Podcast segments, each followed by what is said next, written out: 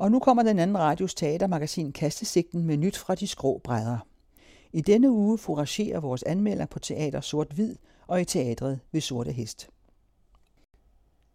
Det minder mig om noget, manuskript- og tekstforfatteren Nikolaj Peik, nok bedst kendt som rimsmeden bag det legendariske dansksprogede hiphoporkester MC Ejner, engang fortalte mig, nemlig at hans største inspirationskilde ikke var de store amerikanske forbilleder, som mange danske og europæiske rappere efterlignede, men salig Adam Øenslager, som jo som bekendt sidder og tykker på sin gåsefjer inden foran det kongelige teater på Kongens Nytorv i København, og som Ebbe Claudette Reich uden tøven udnævner som datidens digtergud i sit overraskende avancerede Grundtvig-portræt, som jeg netop har læst. Ebbe Kløvedal er jo også manden bag højskolesangen Danskerne findes i mange modeller, som fortsætter, og stadig kommer der nye til. Er vi et folk, når det virkelig gælder? Og hvem kan bestemme, hvad folket vil? Lad os tale frit, lære hvor vi står, og så videre. Og for lige at vende tilbage til Pike og MC Ejner, deres yngre åndelige fædre, bananerne i verdens farligste rapgruppe, Milk the Coin, har jo også stået på teaterscenerne i forskellige konstellationer de senere år. Mest vellykket efter min mening med Per Gynt fortolkningen på Betty Nansen. Så man kan altså sagtens gå på versefødder for rapmusikken og ind i teateret, og det har flere af de mere tænksomme rapper også gjort. Og har Øenslager, Grundtvig, Kløvedal og MC Ejner så noget med stykket på Teater Sort Hvid at gøre? Ja, det har vel i grund alt med det at gøre. For stykket begynder bramfrit med, at en veloplagt Saki fortæller publikum, at han har anstillet nogle undersøgelser om, hvad danskhed egentlig er. Og har tænkt sig i de næste 80 minutter at præsentere os for resultatet. Facit, som han lidt provokerende siger. For som han fortsætter, jeg kan se det på jeres flagtende øjne. De sidste par år har gjort jer i tvivl om, hvor I står og hvem I er. Det, I har til fælles hvad det vil sige at være dansker. Og danskhed har selvfølgelig noget med øens lærer, Grundtvig og jord, der rimer på ord at gøre, ligesom Gorm den Gamle, Subidua og superhelten Grisemanden, der leverer leverpastej til de glædesløse, multikulti udfordrede børn i børnehaverne har det. Og det har noget med frisind, Christiania og gratis lægehjælp at gøre. Og det har også noget med bølgen blå og kirkegård og kulturkanon og ytringsfrihed at gøre – Ja, formlen er lang. Måske så lang, at det i sidste ende ikke giver mening at opstille den. Men lad mig tage et skridt tilbage et øjeblik. Saki har i mange år været i udkanten af det københavnske musikliv, som jeg er på fornavn med. Jeg tror aldrig, jeg har set ham live eller bare hørt et nummer med ham, men for nogle år siden, i 2014, var jeg blandt publikum til det sjove, alvorlige og godt konciperede teatereksperiment Nationalismens Apostle, hvor tre nordiske teatre spillede live for hinanden. Det kunne lade sig gøre via nettet. På scenen i Hofteateret, hvor vi danskere var forsamlet, spillede Kirsten Olesen dronning Yahya Hassan i Christian Dolleges iscenesættelse, og på nationalscenerne i Stockholm og Oslo så publikum med via en livestream. Og vi danskere så derefter med hos dem på storskærm. Efter de tre stykker var der debat, og Saki sad på scenen sammen med DR og Weekendavisens Claus Rothstein og Dansk Folkepartis københavnske kulturborgmester, ja, tænk engang, Karl Christian Ebbesen. Og skæbnen ville, at jeg i den aften sad i loge sammen med Sakis medbragte homies. Det er slang for venner. Og hverken dem eller jeg var i tvivl om, at Saki var den eneste, der sagde noget bare halvvejst fornuftigt den aften. Klaus Rothstein, der ellers har tænkt og skrevet alvorligt om emnet, sad og smiskede med Ebbesen det meste af aftenen, og deres respektive udsagn lød kvalmende intetsigende i hvad der lød som et borglamt ønske om ikke at fornærme nogen eller noget. Om det er de to, der er blevet forlæg for den ene af karaktererne i Der var et yndigt land, kan jeg ikke vide. Men netop denne velmenende, konfliktsky danske højskolelærertype står for nogle af stykkets mest komiske scener.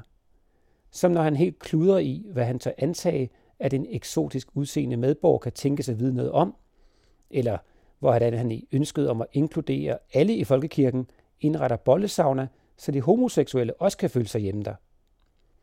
Senere så jeg Sakis fine, fortællemæssigt rest og rodløse og meget roste, jeg hører stemmer. Der trods en række lidt klodsede dramaturgiske greb vandt meget ved sin gode historie, Sakis umiskendelige fortælletalent, og særligt intensiteten, godt forstærket af den meget rå og surreale æstetik i den slagtehal, stykket blev opført i. Og vigtigst, hvis ikke pointen blev klar før, fordi Saki er udstyret med god forstand og en skarp tunge, og en skarp forstand og en god tunge. Saki siger selv i et interview om tankerne bag Der var et yndigt land. Ikke kun i forhold til tonen i debatten, men helt konkret, så har de politiske forandringer gjort det sværere at se, hvordan fremtiden ser ud for mennesker med en anden kulturel baggrund end dansk. Har jeg og mine kommende børn reelt set en fremtid her? Og det er den utryghed, og i yderste konsekvens den frygt, som tonen Saki nævner, producerer, og som illustreres med dels en række meget personlige anekdoter, dels de mere kulturelle og politiske strømninger, klædt af til kejserinderne Støjberg og Frederiksens nøgne, tøjlesløse populisme, som han taler, synger, rapper og spiller frem i et imponerende katalog af danske dialekter og indvandreraksanger. Her er de modeller, som Kløvedals højskolesang så flot i tale sætter med. Men vi ender i en meget dyster slutscene, der fik os til at tænke på Auschwitz, hvor Saki han messer Sten Stensen Blikkers sig nærmere tiden, underforstået, at flygtningene i Danmark må flygte videre fra forfølgelse. Og på den måde bliver Sakis portræt af Danmark mere et vrangbillede af, hvad danskheden er. Men det er jo som sådan ikke Saki eller stykkets problem. Det er fordi vrangbillederne fylder så meget i dansk politik. Der var et yndigt land af et begavet, sjovt og vemodigt stykke teater. Og Saki forsømmer ikke nuancerne. Her er tingene ikke sort-hvide. Her er kærlighed til Danmark. Der er verbale tæsk til rødderne i Tingbjerg. Hans egen far bliver karikeret. Og der er simpelthen også både Luther og Karl Marx. Og frem for alt en utrolig spralsk Saki, som har det, englænderne kalder the funny bones. Et komisk naturtalent. Og jeg synes, man kunne mærke på ham, at han red på latteren, blev endnu sjovere, jo mere vi grinede. Og vi grinede. Og jeg ved ikke, hvor han har sine sjove knogler fra, om det er Mellemøsten eller det fri gymnasium på Nørrebro, og jeg er også ligeglad. Stykket er i af Christian Lollicke, der også var jordmor på det første stykke, samt Sigrid Johansen, en Jesper Bergman er krediteret for dramaturgien, og på scenen flankeres Sakke af DJ'en Turkman Soldier. Om det er Sakke eller en fra dette hold, der er skyld i det eneste rigtige minus ved forestillingen, den meget forstyrrende og opmærksomhedskrævende videoprojektion, der kører hen over scenografien, ved jeg ikke, men det er en ægte skam. Scenografien er nemlig meget godt ting, som den er. En stor mur med alle de associationer, det giver, og i midten et tableau, eller diorama, som det vist hedder, en glaskasse, et terrarie med danskheden nedsænket i formaldehyd. Her ser man i halvtogen en dansk bondefamilie, kornet, storken, vindmøllen, og kun den opmærksomme teatergænger lægger mærke til de første små ændringer derinde, før der pludselig står en minaret, og bunden har fået turban på. Men for at stille skarpt på det, skulle man ignorere en efter min smag ubehjælpelig computerspilsgrafik, billig musikvideoæstetik og diverse underlige iTunes-mønstre og figurer, der kværnede rundt på muren og mindede mig om en af hiphoppens mindre flatterende sider, dens horovagui, at teksten sjældent får lov at stå alene, at pointen overlæses med argumenter. Og det er i dette tilfælde synd. En mere kritisk anmelder kunne nok også se dette symptom i den i længden lidt overdyngede fortællelyst. Nogle af sporene kunne nok med fordel være slanket og slebet med en mere elegant formel som resultat. Det samme kan man sige om en teateranmeldelse, så jeg konstaterer her i stykkets ånd, at denne anmelder sidder, som man siger på hiphopsk, totalt i sakkeskød. Nu vel. Her på Kastesigten fik vi allerførste udgave via Jens Albinus valg af transstrømmer som stemningssætter til stykket Ankomst afgang på huset, ideen foræret at kolorere anmeldelserne med et digt, der indfanger eller taler til stemningen i det teaterstykke, der beskrives. Jeg ved ikke, om det falder i lytterens smag, men jeg og Carsten Faro har stor glæde af at finde og tale om digtene og deres associationer, så det fortsætter vi indtil videre med. Og da jeg så stykkets navn, der var et yndigt land, ja, så vidste jeg, at her måtte vi naturligvis inddrage den digter, der for mig er den danskeste af danskeste. Den digter, der hver gang jeg læser ham, giver mig fornyet kærlighed til mit modersmål, samt både vrede, vemodige og syrligt selvironiske knager at hænge mit eget danske identitetsprojekt op på. Og hvis man ikke ligefrem køber min præmis om, at alt han nogensinde har skrevet handler om Danmark, ja, så har han heldigvis skrevet så tilpas mange digte direkte henvendt til Frejas sal, at det ikke skal komme imellem os. Men mange af dem er, og særligt dem, der flugter med Sakis sigtekorn, for lange til dette program. For eksempel ville linjen fra digtet Dyrehaven, Kong Skjold ved disse strande kastet anker, nu luder Danmark som en kranglet tjørn. Stemningsmæssigt passer ret godt. Eller, når nu det er et teaterprogram, det besynderligt tvetydige hyldestigt til den ikke helt danske Holberg, ham der som vi i sidste udgave af Kastesøgten hørte, skrev det allerførste danske teaterstykke opført i København. Men i stedet for denne selvutilfredshed, så vender vi simpelthen bøtten og giver lytteren noget lyst og mildt, et ymt kærestebrev til Danmark fra vores egen danskhedshedning, Johannes V. Jensen. Hjemkomst Forunderligt, så sødt et smil ej smiler nogen anden strand, som når en soldag i april man ser igen det danske land. Et stille land, den gamle jord med grønsvær klædt i havets skød, har fandt de stumme slægter brød, har satte troskab sine spor. En plantevenlig, simpel ånd gav disse lave kyster læ. Tag arven op med varsom hånd. Fæld ikke bedstefaders træ. Og nu sejler vi videre til Vesterbro og teateret ved Sorte Hest. Det er teater i København med den hyggeligste teaterstemning i caféen og Line Knudsens nye stykke. Det hedder Torben Toben, manden der ud hele verden. Det er instrueret af Maria Winterberg og med Pau Henriksen som Torben Toben, og Karoline Brygman, Lou Stålbæk og Christopher Halmut er også med. Line Knudsen kender de fleste vel. Hun er, for at citere kataloget, fortroppen i den danske absurdistiske dramatik. Og hvad er så absurdistisk dramatik? Ja, det bliver nok lidt for langt at komme rundt om et svar på det spørgsmål. Så det nærmeste, jeg kan komme, er at prøve at beskrive, hvordan jeg oplever det nærværende stykke. Stykkets første ord var nå, og det sidste var ok.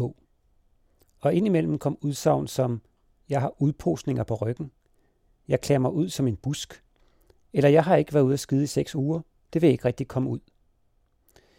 Det er med sådanne sært poetiske og sært lavkomiske greb, at det absurde teater i Knudsens tekster forsøger at give en art stemme til det meningsløse. Som en af figurerne siger i stykkets nok mest meningsgivende replik. Forestil dig en verden med bare dig og mig. En verden uden larm og endeløse skænderier. En verden, hvor vi ikke længere skal gå og falde over hinanden af fortvivlelse over ikke at kunne forstå. Forestil dig en verden, hvor der simpelthen ikke er noget at forstå. Toppen Toben er en sproglig rutsjebane, som suser forbi og nogle gange tager en med. Det gør det, når der er en tråd, der minder en om noget, man har tænkt, iagtaget i sig selv eller i andre, eller bare en dagligdags frustration, man er fortrolig med. Og hu hej, så flyver man afsted i det knudsonske friløb. Det går stærkt i svingene, man får grinet af sin egen hjælpeløshed, inden man pludselig er efterladt på perronen igen, og stykkets tekst stikker af i en ny, og for en selv lidt kikset eller kokset tematik, men så er der nok nogle andre med rutsjebanen. Og det er i og for sig underholdende og efter som nok, og skuespillerne gjorde det også rigtig godt. Særligt nød jeg den menneskelige, pirsede værhæne Paul, spillet med stor finesse af Christoffer Helmut, som man kan læse i kataloget også fik Rømers Talentpris i 2016. Men alle på scenen bød ind med gode præstationer. Og det slår mig, at det har jeg synes hver gang, jeg har set et Knudsen stykke. Så hun må jo kunne et eller andet. Og nu, jeg tænker over det, så mærkede jeg, at af de stykker, jeg har set, er de knudsonske kvinderoller der bedst forløses, spillet af skuespillere, der har den der evne til at give et ekstra vemodslag bag komikken. Ditte Gråbøl gjorde det sublimt i den luft, de andre indånder, og Birte Neumann synes skræddersyet til at give den knudsonske essens, ånd og form, som hun gjorde det i gruppe 8 på det kongelige forrige år. Men hun kan faktisk også selv, Line Knudsen. Jeg så en optræde med sin mammut-koproduktion Frit Flet skrevet sammen med Naja Marie Eid og Mette Mostrup, og som også lå som store byggeelementer i Teaters café. Så hvis den anmeldelse bare var til mine nære venner, vil jeg foreslå, at I holder et vågent øje med, hvornår Knudsen selv er på banen. Hun må jo optræde i ny og næ. Og så gå lige til kilden. Mød rutsjebaneføreren selv. Og nu anmeldte jeg sidste gang den kongeniale forestilling Hullet på Grob lidt stemoderligt, fordi jeg havde svært ved at grave den røde tråd op af jorden. Men her, tænker lytteren måske, det lyder til, at den røde tråd er lige så porøs. Og ja, det er rigtigt. Men det er sproget, ordenes lyd, kadence og i sidste instans alkemi, der gør forskellen. Og Knudsen har evnen til at gøre ordet levende. Det kan man ved selvsyn se og høre på teateret ved Sorte Hest. Og til slut i kastesigten kaster vi os over et spørgsmål, som vi ikke har fået. En ikke-lytter har nemlig ikke spurgt os, er der da slet ikke nogen steder i København mere, hvor man kan se cabaret? Og vi kan heldigvis helt undlade at begive os ind i distinktionen mellem hvad der er cabaret, revy, varieté, musical og nycirkus, for svaret er faktisk helt enkelt, at jo, det er der. Tidligere var det en lidt større tradition. Nogen kan måske huske, at Bodil Jørgensen huserede med sin årlige cabaret på Caféteateret, og for en små 10 år siden var der nogle folk, der samledes om at genopleve cabaretgenren med noget, hvis jeg husker rigtigt, de kaldte den blå hund, der spillede lidt på Frederiksberg og lidt på Østerbro, inden det gik i sig selv igen. Men måske lidt upåagtet af tidens strømninger, så lever kabareten stadig i fineste form i bøsehuset på Christiania. Jeg var inde og se en af slagsen for et par uger siden med ensemble Au Pair og her var fuldt hus. Folk sad på gulvet og stod helt presset op ad bagvæggen. Og selvom alt det der sjofle eller de avancerede måder at gøre grin med vores sexliv på ikke lige mig, så var der også mere subtile og medrivende små lunser af satire og samfundsgrin. For eksempel begyndte det hele med et virkelig sjovt eventyr om nærhed og nærvær i smartphones tidsalder. Og grinet blev der i hvert fald. Så hvis du er til musik, kostymer og en udvidelse af dit queer-vokabular, så er det altså skide sjovt ude på Christiania. Vi linker til Bøssehuset og de andre stykker her på den anden radios hjemmeside, så kan I tjekke programmet ud. Det var ordene. Der er masser af premiere i denne tid, så det er bare på med vanten og ind i teateret. Det var Rasmus Blade Larsen, der havde været i teatret.